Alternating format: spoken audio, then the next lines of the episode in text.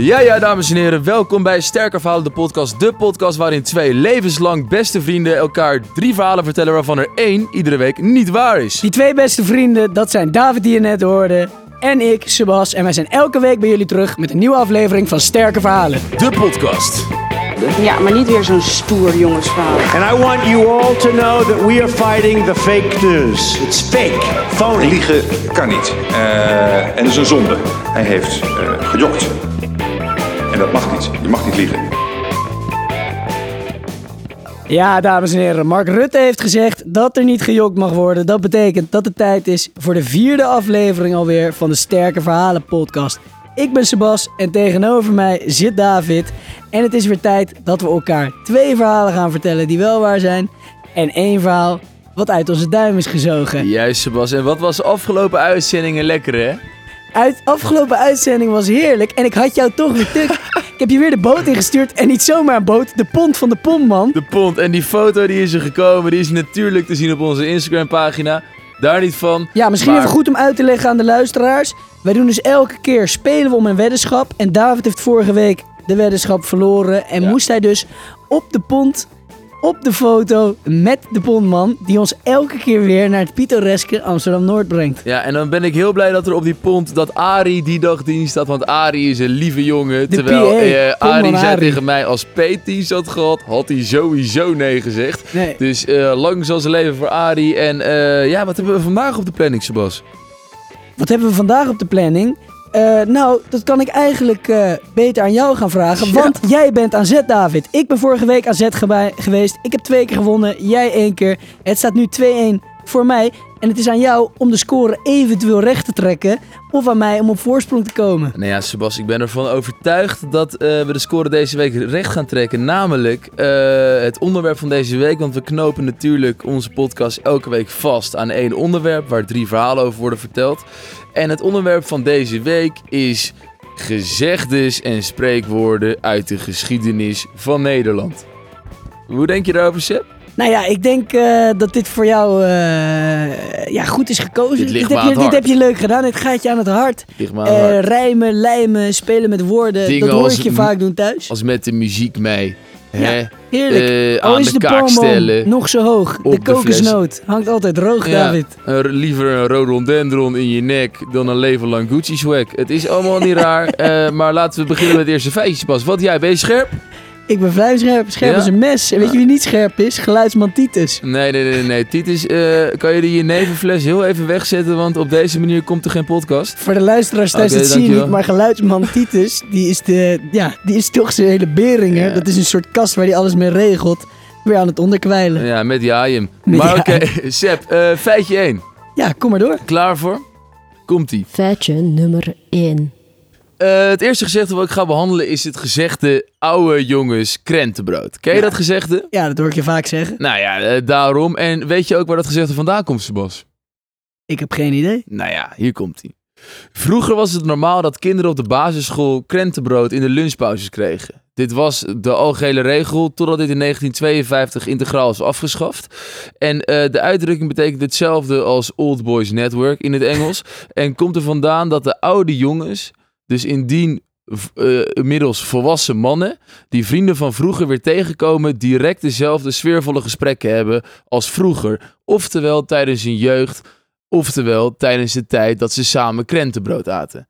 Daar komt het gezegde oude jongens krentenbrood vandaan.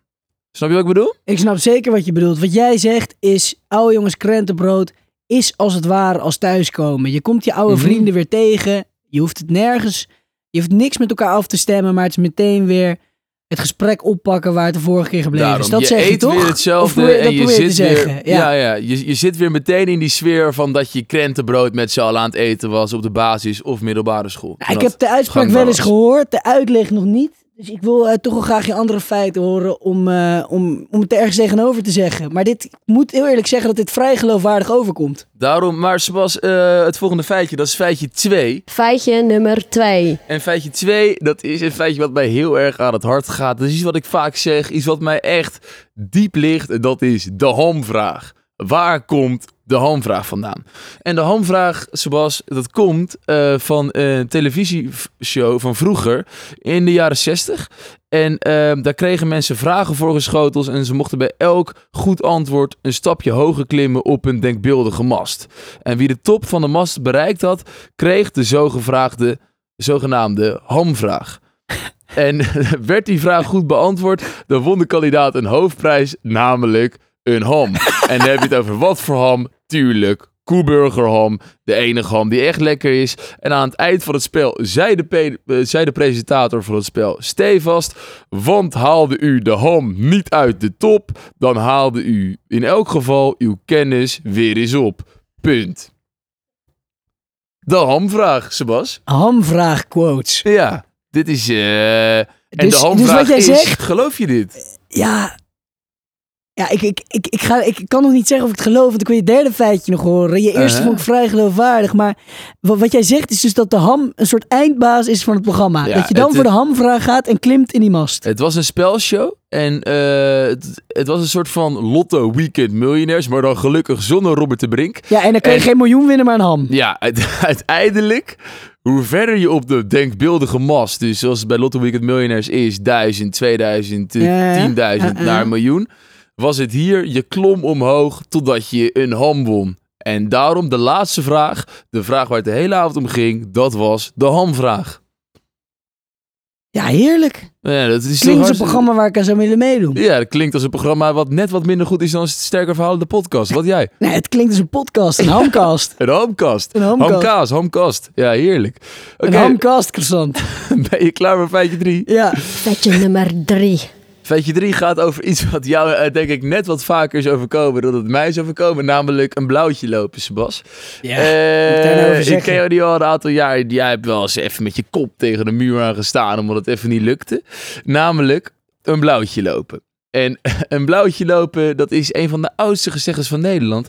Namelijk een blauwtje uit een blauwtje lopen. Dus het woord een blauwtje is een verkorting van een blauwe scheen. En wie een blauwtje loopt, heeft dus in figuurlijk opzicht zijn scheen gestoten en heeft daardoor dus een pijnlijke blauwe plek op zijn scheen. En deze uitdrukking is zo'n vier eeuwen oud. En dat komt dus uiteindelijk allemaal dat een blauwtje lopen dat het dus niet lukt. Een blauwtje lopen komt van je scheen stoten. Iedereen weet hoeveel pijn dat doet. Dat is echt gewoon, dat is een van de pijnlijkste dingen die er is. Behalve voor Badr Hari, want die heeft alle zenuwen eruit getrapt. Maar voor de rest is het allemaal hartstikke pijnlijk. Dus een blauwtje lopen is het keihard stoten van je scheen. Waardoor er dus wordt tegengehouden door iets. Dat je pijn hebt. Oké, oké, oké, ja. Ja, ik, ik moet heel eerlijk zeggen dat ik veel geleerd heb ook deze aflevering. Huh? Ehm, we, we, heel even, terug. We begonnen met oude jongens krentenbrood. Ja. Toen zijn we naar De hamvraag. de hamvraag gegaan en we sloten hem af met het blauwtje lopen. Ja. Eh, en eh, ik zal hem wel heel even voor je samenvatten. Oude jongens krentenbrood was dat eh, jongens aten vroeger krentenbrood samen op de basisschool. Dat is afgeschaft in 1952. En daarna komt het gezegde dus oude jongens krentenbrood. Dat mannen elkaar later weer tegenkwamen en weer in één keer die geschiedenis van zichzelf mee ophaalden. De hamvraag was de Lotto Weekend Millionaires dat je uiteindelijk een ham kon winnen. En het blauwtje lopen was dat je eigenlijk keihard je scheen stoten. En dat je daar een blauwe plek op je schenen had. En dat daar een blauwtje lopen vandaan kwam. Ja, dan moet ik, eh, moet ik maar gaan gokken. Ja, maar, maar, maar, maar, maar eerst- vertel even, hoe denk je erover? Qua, qua, qua, wat vind je geloofwaardig? Ja, ik, ik, ik wil het wel vertellen, maar het is, het is, het is zo moeilijk. Want ja, ik denk, oude jongens krentenbrood, die geloof ik. Want die denk ik te kennen. Dat, het daar, dat klinkt namelijk ook echt als een lekker verhaal. Je Mhm. komt terug met je oude vrienden en je kan in één keer het gesprek oppakken waar het gebleven is. Dat klinkt Mhm. gewoon goed. Ehm, ja, het, het verhaal van de scheen, dat klinkt ook best wel logisch. Het blauwtje lopen, een blauwe scheen, eh, tegen de deur aanknallen, dat klinkt lang niet gek. Mhm. En ja, eh, eh, een quiz om een ham. Ja, daar gaan er toch een paar bellen bij me rinkelen. Dan denk ik, ja, 1952, vlak na de oorlog. En de mensen hadden net de hongerswinter achter de rug. Die konden wel een ham gebruiken in die tijd. ja, maar David, dat begrijp ik. Maar ja, eh, waarom dan niet een kaasplank? Ja, Eh, waarom dan niet een paar broden? Waarom dan per se een ham? ja dat, eh, dat moet je mij niet vragen. Daarom, je- David, zet ik hier eh, een weddenschap op. Want ik denk Ah. dat ik het namelijk weet. De weddenschap van de week, zoals ik hang aan je lippen. Ik denk dat ik namelijk weet dat jouw verhaal over de ham niet waar is. Ik Mhm. denk dat er om iets anders werd gestreden in die quiz. Mhm. Ik zet namelijk de volgende weddenschap hierop. Ik weet dat jij een groot fan bent van Sparta Rotterdam. En Ja. ik weet dat jij op goede manier deze club kan aanmoedigen. Maar ik weet dat wij als voetbalfans ook iets heel vervelend vinden. Maar toch ook heel grappig. En dat is namelijk als iemand de wave inzet in een stadion. Daarom vraag ik aan jou of jij bij de volgende wedstrijd die je bij Sparta bent. Deze mag dus met vertraging op ons Instagram, Facebook of Twitter komen. De wave inzet in jouw vak 24 op het spangen. En dan vraag ik me heel erg af, Sebas, als jij dit nou fout hebt, waar ga jij die wave dan inzetten? En ik heb wel een ideetje. Als jij nou probeert een wave in te zetten op een rondvaartboot door de Amsterdamse grachten, dan zitten we helemaal scherp met z'n tweeën. Nou ja, ik dit bij is, Sparta, eh, jij op de boot. dit is een deal. Ja? Ja. Deal or no deal, komen we toch weer bij Robert de Brink uit. Ik denk Ja. dat ik maar even ga Eh, eh terug naar de ham. een raffelen, eh, inderdaad, wat de hamvraag is. Namelijk, welke vraag, of welke... Welke ham? Welke ham is niet waar? Ten eerste zal ik je wat vertellen over een blauwtje lopen. Een blauwtje lopen is inderdaad uit de geschiedenis. Het is oprecht een van de oudste gezeggers van Nederland. En dat komt dus van eh, de verkorting van een blauwe scheen. Namelijk dat je in figuurlijk opzicht je steen hebt gestoten. En daardoor een eh, pijnlijke blauwe plek op je been hebt. En dat je niet verder kan. Dat je gewoon het kut is. De tweede waar ik het over ga hebben, is de hamvraag. Kandidaten van de door Johan van Bodegraven gepresenteerde quiz kregen, eh, kregen een reeks algemene vragen voorgeschoteld en mochten bij elk goed antwoord een stapje hoger klimmen op een denkbeeldige mast. Wie de top van de mast bereikt had, kreeg een zogenaamde hamvraag. Werd ook die vraag goed beantwoord, dan won de kandidaat de hoofdprijs een ham. Aan het einde van het spel zei presentator Bodegraven stevast, want u haalde de ham niet uit de top, dan haalde u in elk geval uw kennis weer op. Oftewel, Sebastiaan, je voelt het al een beetje, je ruikt het al een beetje, die ham komt steeds dichterbij. De hamvraag is waar. Oude jongens krentenbrood, volledig uit mijn duim gezogen. Ik heb maar iets over krentenbrood gezegd en over dat het in 1952 is afgeschaft door de regering en dat daar daarvoor iedereen integraal krentenbrood moest eten. Kan ik even uitleggen waarom ik dacht dat dit waar was? Ja, ik kan zeker zeggen dat dit wel waar is. Ik zat laatst eh, met mijn opa en oma eh, aan een diner en een vriend van hun. En die heeft me een Ja. heel verhaal verteld. Een heel verhaal verteld over zijn oude tijd bij de club Zeeburgia. Uh-huh. En over zijn teamgenoten die hij dan nog een keer zag. Mhm. En dat beschreef hij als, dat was weer als thuiskomen. Oude jongens krentenbrood. ja, ja, maar hij beschreef Ben de ik sfeer. nu voorgelogen of niet? Hij beschreef de sfeer be- beschreef hij hartstikke goed. Alleen krentenbrood heeft er niks mee te maken. Oude jongens krentenbrood was de titel van een programma van Van Cote en de Bie. dat hebben zij zelf verzonnen. Dat heeft niks te maken met dat mensen krentenbrood kregen op school. Nee, dat is gewoon de creativiteit van Van Cote en de Bie. Die zij hebben geëtaleerd op de tv vroeger. Ja, duidelijk. Oftewel, Sebas. Ja. Eh, 2-2. Hoe heet die rondvaartboten? eh, De Rederij van de Kooi. Tegenover de Amsterdam Ja. Junction. Rederij van de Kooi, als je luistert. Er komt binnenkort komt er een mannetje van ongeveer 1,70 meter. Die komt naar jullie toe en die vraagt of hij de wave kan inzetten op jullie boot. Schroom niet om ja te zeggen, want dan maken we daar met z'n allen een foto van.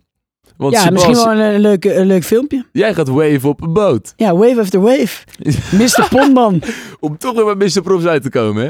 Heerlijk. Hey, Seb, ik vond het weer een heerlijke uitzending. Wat jij? Ja, ik ook. Maar ik vind het eh, toch mooi hoe je me op het verkeerde been zet. Want Ja. ik was echt... maar Ik voel me voorgelogen, mag ik wel zeggen. Nee, nee, nee, nee. Ik was overtuigd van oude jongens krentenbrood. Die vriend van je opa die moet nog een keer goed toespreken. Maar tot zover was dit eh Sterker Verhaal, de podcast. Aflevering 4 alweer.